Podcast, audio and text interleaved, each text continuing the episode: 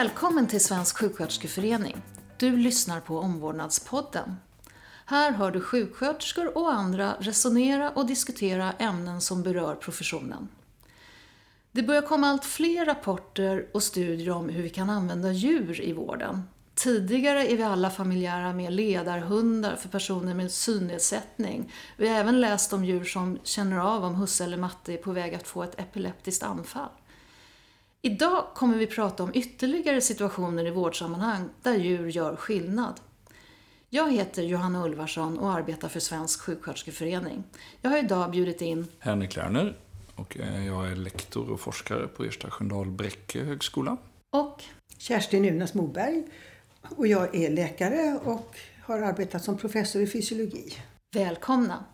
Jag tänkte börja med att fråga dig Kerstin, vad är oxytocin? Ja, om jag får göra en liten korrigering så heter det oxytocin. Oj, förlåt. Men i alla fall, det, jag skulle säga att det är ju ursprungligen tror folk att det är ett hormon bara. Men jag menar att det är ett system. Som där det finns nerver i hjärnan, det finns i blodet, det finns ute i kroppen. Och vad det har för uppgift? Jo, det är att dämpa stress och läka. Men också befrämja positiv social interaktion. Spännande. Eh, Henrik, du eh, forskar på det här med djur i vården. Hur väcktes ditt intresse till det? Ja, egentligen lite bakvägen. Jag började som biolog och jobbade med djur och djurs beteenden och lite sådär. Eh, och sen doktorerade jag kring eh, vad som var hälsa egentligen. Och sen eh, som en kombination av det så hamnade jag på Ersta Sköndal Bräcke då, när, när man jobbade just med ett projekt kring att försöka titta på djur i vård. Hur det påverkar människa och djur. Och då råkade jag vara den där lilla djur, djurbiten som kom in då. Eh, och sen har det blivit mer och mer att, att liksom fundera på, på eh, ja, vad är det för effekter? Kan vi titta på hela situationen? Både människa och djur samtidigt. Jag vet att du har ju också varit väldigt intresserad av inte bara människans och Nej, oxytocin nej. utan även djurs, djurs oxytocin. Även om jag väldigt ofta uppfattar att när jag då är på Lantbruksuniversitet till exempel så är det en liten skillnad i perspektivet. Oh ja. Att jag lite oftare ställer mig på människornas sida som de som mottagare av det goda. Medan de som mer så att säga har en vad ska man säga, utbildning som agronom eller veterinär lite mer ser djuren som det viktiga här. Så det är någonting som har hänt genom utbildningen. Att man får en slags placering. Ja, faktiskt. Jag känner igen det där lite också. Att man, jag kanske hamnar mer på djursidan. Även fast jag nu är då på, på institutionen för vårdvetenskap och undervisar sjuksköterskor. Men det är väl därför hon har valt oss. Att vi Först- får så att Förstås! ja, precis. Ja. Ja, där kom ni på mig. Mm, Men det låter oerhört spännande. Så eh, Henrik, du tittar egentligen inte på oxytocin utan mera på helhetssituationen som en betraktare då, för har jag förstått rätt? Ja, alltså det jag har varit intresserad av är både... Alltså det finns väldigt lite forskning överhuvudtaget kring hela situationen. Interaktionerna mellan människa och djur. Eh, kan vi till exempel med etik hitta en etik som skulle kunna funka så vi får ett bra fungerande eh, ja, en bra fungerande terapi där både djuret och människan mår bra och så. Det finns väldigt lite sånt. Man har ofta tittat bara på humansidan, vilka effekter får man? Man har tittat lite grann på djursidan. Det finns väldigt lite om, ja, frånsett då eh, vissa studier här då, eh, kring djurs välfärd till exempel, hur djuren mår. Ofta tittar man nästan bara på människan. För det är det man är intresserad av naturligt. Fast det jag håller inte riktigt med om det. Jag uppfattar Nej. faktiskt balansen som mera jämbördig. Okej. Ja, fakt- att, att de som just kommer från utbildningar med, där det finns djur i fokus, att de, de är omedelbart och tänker på vad, vad drabbar detta djuren och hur är det med dem och vad får de ut av det här.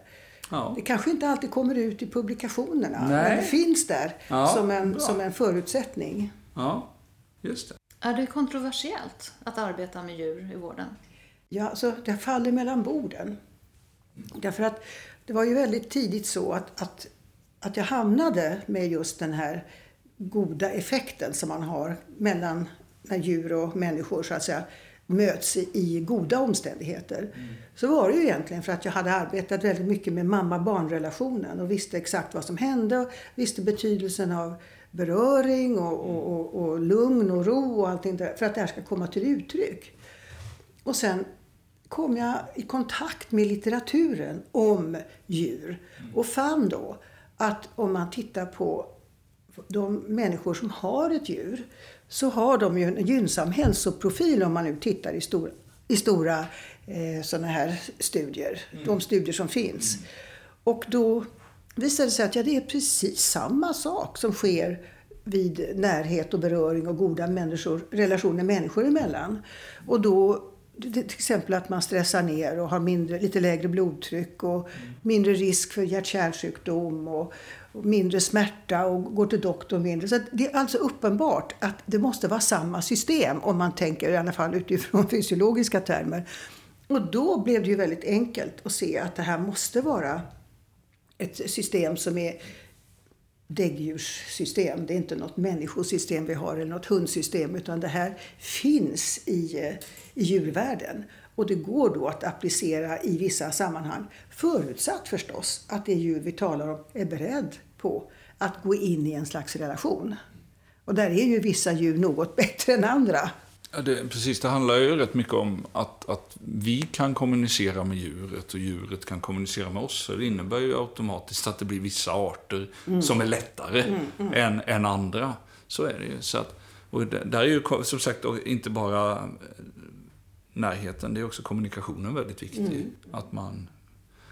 Alltså det där ordet kommunikation, det är ju väldigt intressant därför att man kan ju säga att det beror, alltså kommunikation har man ju mm. med ett djur om man tycker om djuret, om man inte är rädd för djuret, om man så att säga om man är mm. närvarande, eller hur? För att alla de effekter som jag pratar om som är goda av djur, alltså människa-djurinteraktion, de faller bort om någon i det här paret är, är oroliga, rädda mm. eller skulle jag vilja säga till och med tycker illa om. Mm. Så ur fysiologisk synpunkt så förutsätter det här en positiv känsla. Alltså som då är icke-rädsla, tycka om och vara lugn. Annars funkar inte de här systemen. Så personkemi pratar vi om? Ja, man kan kalla det personkemi. Det kan man faktiskt göra. Fast det behöver inte bara vara personkemi. En, en erfarenhet ifrån bland annat, som vi säger då, häst, hästunderstödd terapi är att en del av de som är med i hästunderstödd terapi, de har liksom tappat tilltro till andra människor. De har mm. varit ganska hårt eh, utsatta och, och, och, tappat liksom förståelsen för att människor kan vara goda och så. De, de personerna kan ha mycket lättare att bli lugna ihop med en häst mm. och landa i att man kan få vara med någon som kanske inte dömer eller skvallrar eller de här bitarna. Och då slappnar man av och då kan det vara en ingång till att gå vidare till exempel till annan terapi. Mm. Men det är alldeles rätt. Och jag har varit involverad i en del sådana här studier där jag arbetat med hundar. Mm. Och just sådana här, framförallt störda pojkar som inte alls vill eh, tala med vuxna för de har, eller människor som har dåliga erfarenheter. Och då är det som du säger att det förefaller som om djuren går in på en mycket bredare kanal. Så mm. de kan gå bortom mm. de där personliga upplevelserna man har med, med människor. Och kanske, som du säger, öppna upp sen. Men det är ju riktigt. Men, men eh, det betyder ju just att det betyder ju inte liksom att att man inte ska ha en god relation just när det här sker. Nej, nej. Så att säga. Självklart, självklart. Ja, ja. Men det är lättare att få den goda relationen kanske för en del med ett djur ja, än, än, vad man kan få med en människa om man absolut. är sårad och kränkt och allt möjligt. Så. så ja. det... Men jag tänker att eh, även djuren har ju en personlighet. Så att eh, jag då som både har massa katter och hund, har haft hundar och, och, har ridit också. Det är inte alla hästar jag hade suttit upp på, det kan jag ju lugnt säga. Eh, Medan andra bara bondar man med och klickar. Och samma sak både med katter och hundar. Mm. Det är så att eh, när, man, när du säger Henrik att djuren eh, då öppnar upp och, och du Kerstin en bredare kanal så. Mm. Eh, men det måste ju uppstå, inbillar mig, situationer där det inte funkar på grund av att djuret och personen inte klickar. Ja, men jag menar, förut, säg att, ja, inte vet jag, nu har inte jag ridit särskilt mycket, men jo lite. Tills jag blev rädd. Då var det inte roligt längre, eller jag vågade inte längre. Så att det kan ju också vara, om du tittar på en häst, hur ser den ut? Och, och den kanske blir lite för stor eller eh, lite eh, kraftig i rörelserna. Då, då kan jag tänka mig att då infinner sig inte den där ron omedelbart. Och då, då funkar den alltså inte. Så att, men, och det där beror ju på ens egna erfarenheter och minnen och grejer, vad, vad du kommer att hänga upp dig på. Och somliga har ju också, somliga människor upplever jag har någon slags utstrålning som är väldigt lugn. Och då alla djur tycker om dem. Alltså, förstår du? Det, det är nog också en begåvning det där att vara så ha en utstrålning som utstrålar så väldigt lite aggression och så väldigt lite oro. Så att det är som om djur och barn dras till dem. Mm. Så det spelar ju roll vilken grundkaraktär man har, absolut. Och erfarenheter eller om det är någonting mer, för det vet jag inte, men olika är det. Och det är också en skillnad vad man gör, så att säga. Om djuret bara är där, om det är någon form av aktivitet där man är med djuret. Det kan vara en, det kan vara en läshund som sitter bredvid en eller för att man ska slappna av och så. Då, då kanske det i vissa lägen inte spelar så stor roll. I en terapisituation där djuret ska vara mer aktivt och få igång en verksamhet eller så. Där tror jag det kan vara väldigt viktigt ibland då att se lite på, vad ska vi säga, karaktären på djuret. Mm. Vad det är för djur. Har det lätt för att känna av den andra och anpassa sig till situationen till exempel. Så är ju det fördelaktigare än, än ett djur som, som gör sina saker som den ska göra. Och, sen, och då kanske det inte matchar med just precis den personens eh, sinnestillstånd eller känsla och så. så att, det får vi inte glömma bort att när vi pratar djur i vård så är det ju ett jättefält med vad man kan göra egentligen. Allt ifrån ja, besökshundar upp till ganska avancerade träningsprogram faktiskt. För många. Och det är också viktigt att fundera på när man också, både när man kritiserar och diskuterar, att, att vi måste fundera på, på, eh, eller vi kanske måste specificera um, ibland då, vad det är vi pratar om. Vissa saker är kanske generellt för alltihop. Medan andra är väldigt specifikt för, för vissa specifika insatser. Det är ju här det, här det blir svårt också att göra bra studier.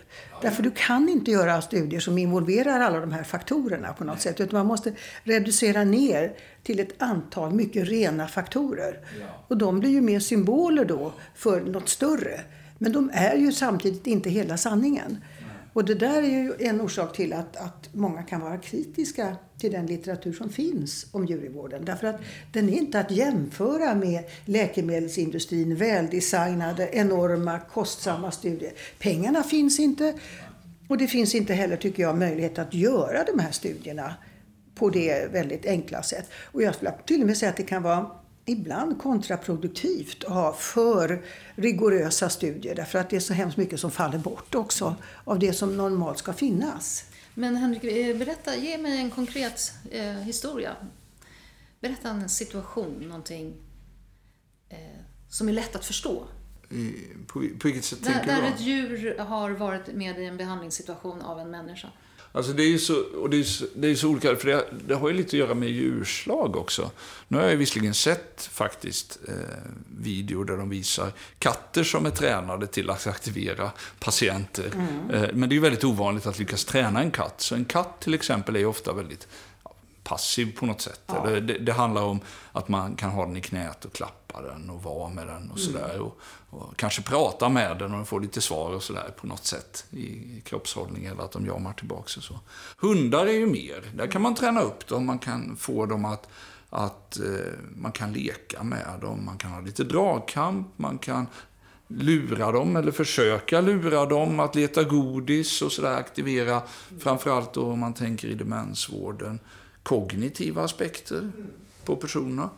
Häst är ju ännu mera, för dels kan man ju ha en ren sjukgymnastisk träning där man faktiskt rider sig så att musklerna blir stärkta eller man får en bättre hållning om man till exempel eh, har en problematik med snedställningar och sånt här. Man kan också så enkelt bara ta hand om hästen ungefär som ett vanligt djur, så att säga, och så vidare. Kanske bara stallmiljön i sig kan vara viktig för en del och så. så att, det finns en hel del olika saker att göra. Du vet, det finns ju en del anekdoter då mm. som, som visar när, när eh, mammorna som bodde på gårdar så kunde det ibland hända att deras barn hade kolik. Och vad de gjorde då? Då tog de barnet och så gick de ut i lagården och satte sig bredvid den högst mjölkande kon. Därför att i den här miljön ute i, i lagården då, så har du en enorm du vet, oxytocinproduktion och som då påverkar hela miljön. Och då blir barnen lugnare där. Det är precis som många beskriver att bara de går in i stallet ja, så, så, känner de att, att någonting släpper. Vi ska inte underskatta andra sinnen som, som lukt och hörsel och, och du vet. Do, doften är ju ofta, ja. häst, hästmänniskor är ju liksom, ja, doften när man kommer in. Bara där går ja. ju pulsen ner liksom. Ja. Spinnandet på katten ja, lugnar också. Det... Bara att man hör ja. att det liksom, den verkar må bra liksom. Så. För det tror jag just att frekvenser och ljud och, och, och, och många olika dofter, de har de här effekterna. Att de lugnar oss. Precis som man kan Så skrämma livet av folk om man pratar med gäll röst eller eh, mm. kanske inte har skött hygienen på ett tag eller någonting. Ibland händer man ut och flyger att man hamnar bredvid någon som där som har varit och vandrat i två veckor och inte mött någon dusch. Det är klart man inte mår bra då, om man sitter bredvid. Eh, funkar det med reptiler? Alltså jag vet några människor som har haft reptiler eller sådana här ormar som de går runt med. Mm. Och jag tror ju att allting kan modifieras av vad du tycker om. Mm. Är det så att du älskar någonting väldigt mycket och har regelbunden beröringskontakt så tror jag vissa aspekter av det här faktiskt kan komma till. Och eh, jag, är, jag börjar ibland tro också att det inte bara gäller, om du förstår, djur utan det kan gälla växter, mm. det kan gälla mm andra mer som vi betraktar som livlösa saker som inte är det kanske. Men, mm. så den positiva känslan är, är väldigt, väldigt viktig. Och sen därtill kommer förstås den sköna beröringen. Den, den, den kommer naturligtvis, den effekten kommer att vara större hos en katt eller en hund mm. eller en häst. Där du alltså har en, en mjuk eh, ska vi säga, känsla när man berör. Och den är ju kvantifierbar den effekten av, av beröringen. Så den är ju väldigt intressant. Och den tror jag inte du får ut med en igelkott. Men du kan ju typ likväl titta på igelkottsungar och tycka att de är underbara och du vill hjälpa igelkottarna att överleva. Jag tror att du kan få ut mycket av den då. Mm. Men jag tänker sänka hjärtrytmen och, och, och sänka liksom andningsfrekvensen om man mm. är uppstressad. Eh, det, egentligen tror inte jag det spelar någon skillnad Kanske då, om vi tittar på olika alternativa terapiformer. Om man är, går ut i skogen eller om man sitter vid en sjö och tittar på konst eller sitter med sitt djur. Oberoende vilken art. Det är ungefär samma, system Ja, för man, som man trivs i situationen så att säga. Ja. Och, och, det är klart att, men, men, men den här och ibland går man ju ännu längre. Man pratar kanske inte bara oxytocin, utan man, man, man pratar, ibland pratar man kanske lite felaktigt inom om hästar till exempel, att de är som en spegel eller att det finns liksom en, man, man känner att man liksom speglas mot dem och sådär. Mm. och det är klart, det kan ju vara svårt kanske med reptil. Nej, det är ju, ja, med reptil. Ja, det ja, blir liksom. vissa, några saker faller bort. Ja, men det är likväl passionen som avgör. Ja, lite ja, så är det. Ja, ja. visst är det så. Jag menar, gillar man inte hund, katt och häst, då är det ju obehagligt med hund, katt, och häst. Så är det ju. Är man rädd för dem eller, eller så, så ska man ju helst inte ha den typen av, av liksom aktivitet eller terapi om, man inte, om man inte vill träna bort rädslan. Nej. Så är det ju. Mm. Uh, för att då är det bättre att man har andra djur. Just det, precis. Robotkatter, sälar, vad, vad, säger vi om det? Ja, det, det, det är en svår fråga. Jag var faktiskt nyligen i Japan och där var det någon kvinna som hade blivit änka nyss. Och, och, och hon var med på någon middag. Och hon plockar plötsligt upp ur väskan tre stycken små robotar som kan blinka och prata och de har olika program och dansa lite och, och god morgon. Och, och hon höll på mycket med dem. Så någon form av substitut ger dem. Men det är klart att det blir inte det här fulla utbytet som man får med en människa eller en hund med, med ögonkontakt och alltihop.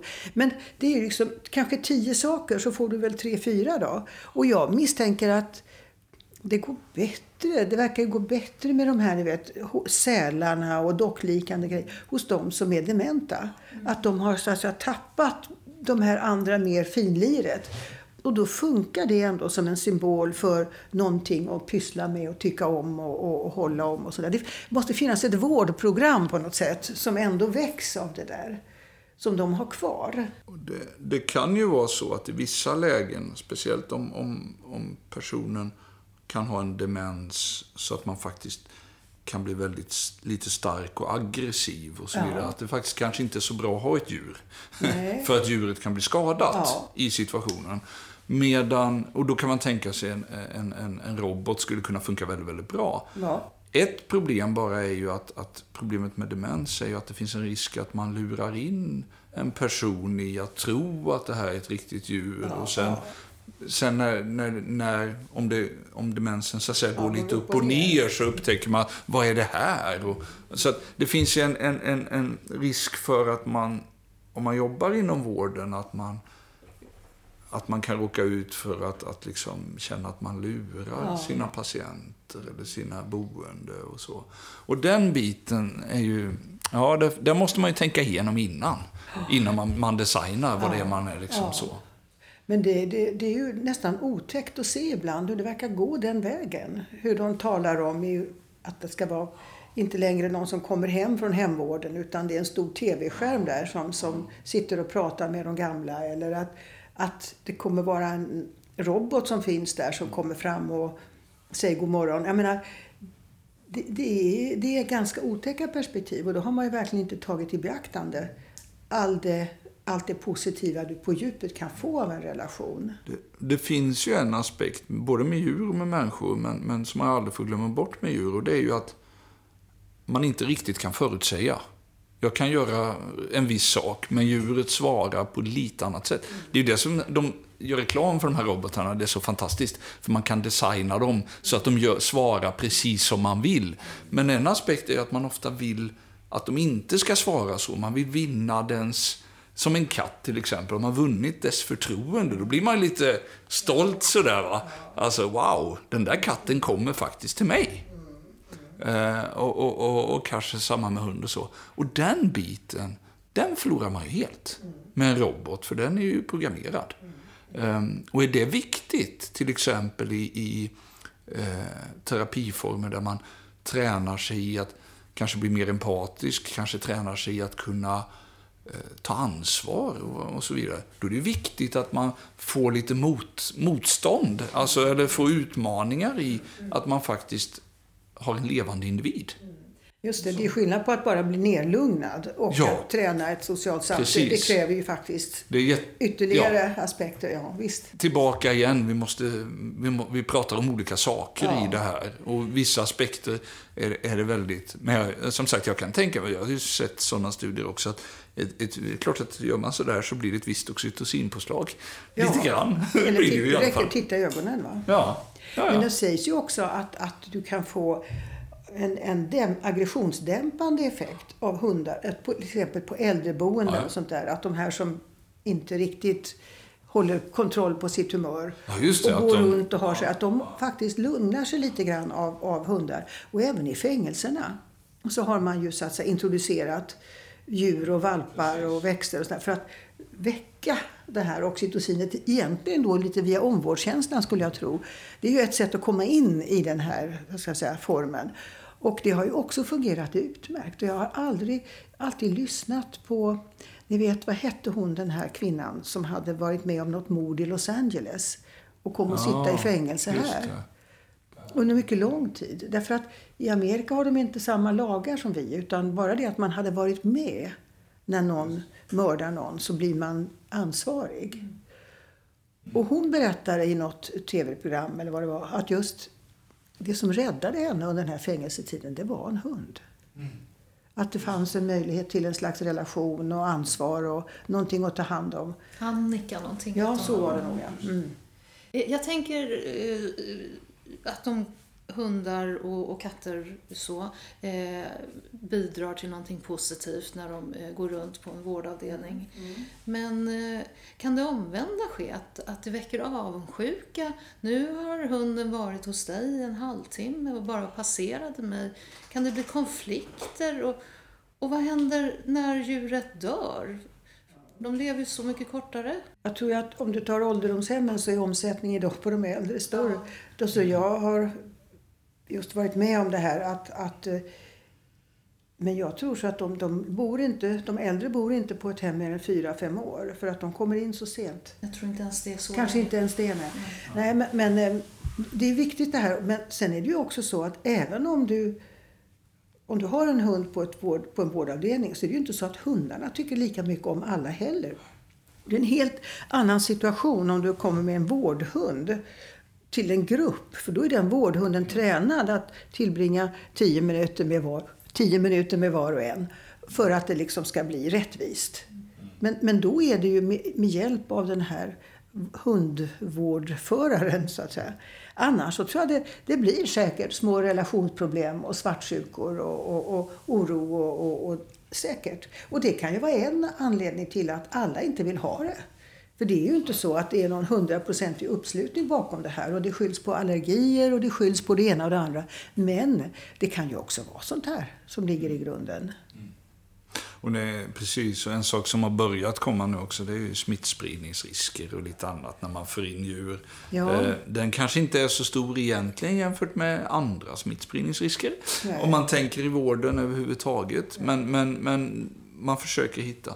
Men det är klart att det finns ju där. Och jag, jag tror ju att, att om man ska få en seriös diskussion om de här sakerna. Det finns ju många som vill man är ofta lite pro-djur. Man gillar djur när man vill föra in det. Och det, man tar ofta fram alla positiva aspekter.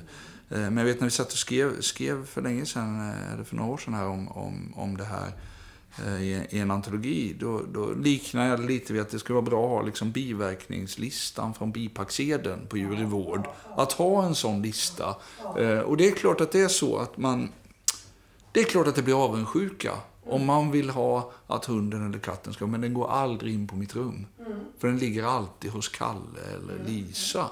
Mm. Det är klart att, att, att det kan skapa det. Det måste man tänka igenom innan. Vad gör vi då? Så att säga, hur, hur hanterar vi det och så? Uh, det tror jag. Jag får ju väldigt ofta mejl av lite olika slag. Ja. Och bland annat så var det någon eh, hemtjänst som hörde av sig. Därför att då fanns det i den kommunen där de här arbetade många äldre som hade en hund hemma hos sig. lite grann. Men de var inte kapabla att gå ut med den hunden. Och var det då hemtjänstens uppgift att gå ut med de hundarna? Det hade de ingen lust med. Därför att de inte, i alla fall inte de som hörde av sig, därför att de var inte särskilt roade av hundar och de tyckte inte att det ingick i, i så det blir, det blir praktiska problem vad du än för in. Om man inte liksom löser det lite sådär ad hoc och får en, en överenskommelse. Men det är svårt med de här väldigt stela reglerna därför att då är det svårt att få igenom det alls. Mm. Om det ska vara så att om ingen vill och ingen kan, ja då kan du inte bli. Du måste ju hitta lösningar där du ändå kan vara flexibel. Och sen är det ju också, om man ska ha in ett djur på en vårdavdelning, så måste man ju tänka precis som att personalen har, har sina fikarum och man kan stänga dörren till sitt rum. Mm. Så måste ju även djuret ha en yta där den faktiskt får i fred. Mm. Och det, det, det är viktigt att komma ihåg att, att eh, för det kan ju lätt bli så att alla har fokus på det där djuret. Personalen har fokus, alla på avdelningen har fokus, alla anhöriga som kommer ska gulla och säga hej. Och, eh, jag kan tänka mig att det kan bli väldigt stressande för ett djur att ha det där hela tiden. Så att en, en bra yta, område där djuret får vara i fred. Och att man löser också sånt som hygienfrågor kring, hygienfrågor kring liksom, så att inte man får en massa katt, hundhår i, i, i, på känsliga ställen och, och, annat sånt där. Eller får ju blanda med mat och liknande. Alltså alla sådana saker måste man ju lösa. Men det är ju liksom en del av den där biverkningsproblematiken. Att vi måste liksom tänka till där i förväg. Det är inte bara att plocka in ett djur. Utan vi måste ha tänkt innan. Eh, som jag hörde på något ställe, man kanske ska skriva ett kontrakt till och med. Där man definierar upp vad som ska gälla och hur vi ska tänka. Det kan också vara ett sätt att få med de här som tycker att det blir besvärligt och otäckt eller så. Så, så Men här har vi två eh, sidor. Då. Dels när man eh, aktivt för in ett djur i en miljö där eh, personer med behov vistas. Och sen som du Kerstin beskrev, hemtjänstpersonalen som, där djuret redan finns Ja, där ja, och ja. har varit en källa till mycket glädje. Ja, och förmodligen fortfarande är. ja, ja. Så jag, jag ser framför mig hur biståndsbedömningar i framtiden måste inbegripa hur eh, man tar hand om djuret och kommunal eh, hundpromenad. Eh, Ja, nästan. Men då, då får det ju verkligen bli de som går med på det, så att säga. Men, men, men det blir ju det om du ska använda dem Ja. hemma. Sa- Samtidigt är det en svår fråga. För att om man är gammal, ja, det spelar ingen roll vilken ålder man har egentligen. Om man har haft ett djur ett tag så har man ju liksom knutit band till den. Och det som en, kan bli som en familjemedlem. Och, och många, ja, många begraver ju och sörjer sina djur och så vidare. Eh, det, är ju, det får man ju också tänka in i när man upprättar vårdplaner eller hur man nu tänker att, att det blir en förlust att bli av med sin hund eller sin katt i ett sånt läge. Hur påverkar det situationen för den här individen? Eh, För det, det är kanske en familjemedlem som försvinner. För, för numera är det ju så för många. Det är ju inte bara ett djur, utan det är ju faktiskt någon, någon som man delar liv med på ett sätt som, som kan bli väldigt det kan bli omstörtande. Så att där tror jag nog att man, man behöver, som vi, vi var inne på här lite, vi måste, man måste diskutera det. Man måste ta den diskussionen. Och det är klart att, att jag kan också förstå hemtjänstpersonalen som liksom får det lite grann i knät. Hoppsan! Ja, visst. De har Liksom. inte bett om det och inte skrivit något Nej. kontrakt om det. Och, Nej. och numera är ju alla mycket måna om att utföra just de arbetsuppgifter som de har blivit, eh, har accepterat att göra. Va? Så att det är också det här att det man inte har sagt ja till, det vill man inte heller göra. Och hade man diskuterat det, då hade man kanske sagt ja. Ja, ja, ja, om man visst. hade fått, eh, om båda parter eller sidorna hade kunnat berätta. Ja, och då kanske man kan byta. Att Lisa jobbar där Ja. och Ulla där. Och, Ja. och det kanske passar väldigt bra då. Nej, det, det är verkligen, men det, men det är ett stort fält. Därför att som du vet så, har, så ser vi ju blodtryckssänkningar av det här med så lite som det 10 minuter, 10 minuter gång i veckan i ett par veckor. Som är kroniska och som ligger kvar va, i flera veckor efteråt. Så det Tio har- minuter av... eh, Av- av att klappa att man hunden. klappar. okej. Mm. klappa hunden under och prata med den, alltså man är, man är med. Och det är till och med så att det är dosberoende. Vi har nu tittat alltså på hur mycket de klappar. Så ju mer de klappar faktiskt under de där tio minuterna, ju bättre blir den här dämpningen av stressvariablerna. Och det, det är en sån här effekt som inte bara är just då, utan den ligger sen kvar i vad ska man säga, i, i ja, säkert ett par veckor efteråt. Och därför är det ju så att, så att har du en hund så underhåller du ju här. Men det, är inte, det behövs inte så mycket.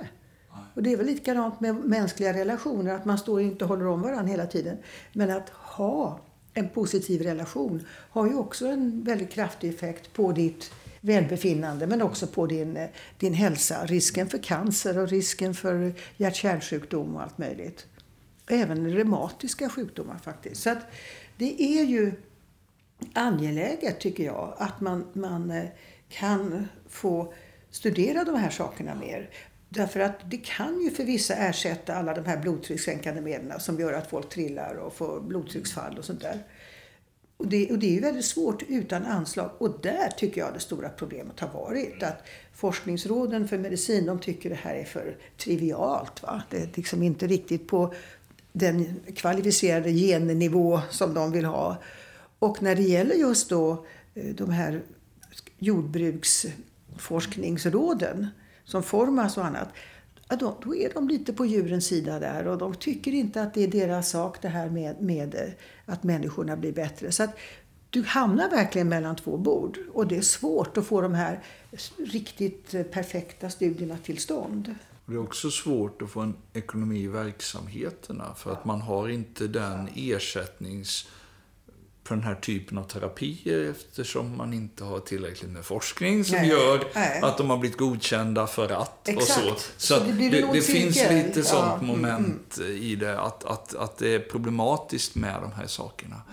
Ehm, och, och det gör ju, och jag menar, sen kan man ju säga då att det är klart alla blir inte hjälpta. Jo, kanske i, i det du beskrev Kerstin, det kanske alla, alla blir hjälpta av. Men, men som i, i fallet med, med ja, kanske psykoterapi eller liknande med häst.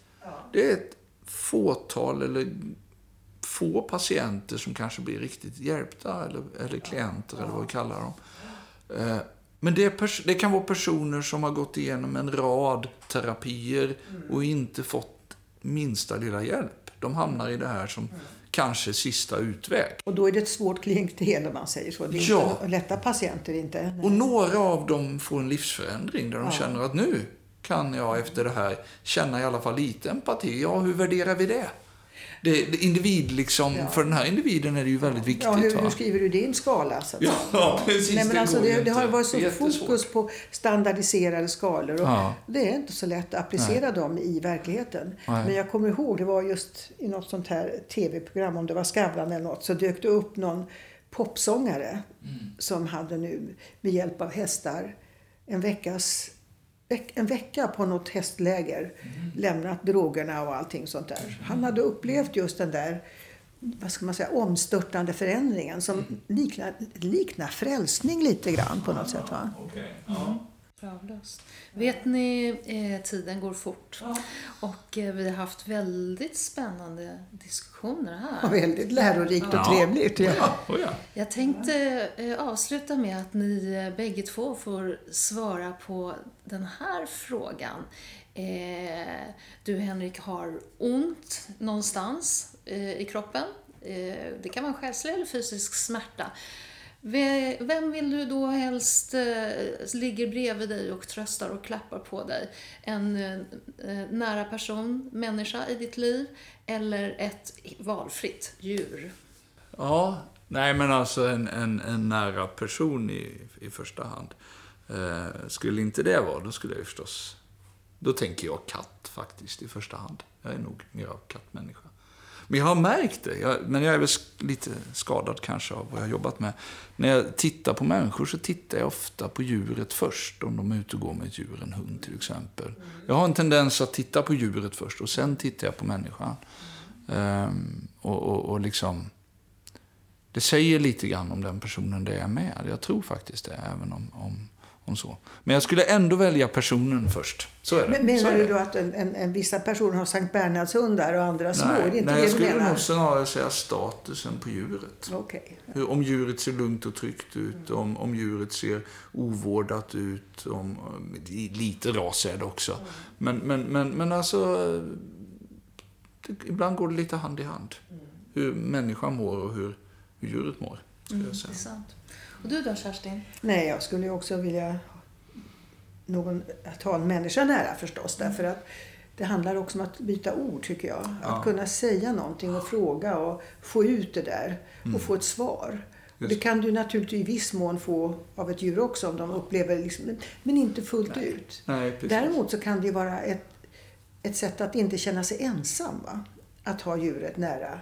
Men, men jag kan inte i min sits se att det skulle kunna ersätta fullt ut någon som man kan prata med. Eller som man kan eh, förtro sig till. Men det är, det är en variant och det är, jag ser det mer som ett tillägg eller någonting som är mer stadigvarande tryggt än att det är lösningen i den där svåra situationen. Tack så jättemycket.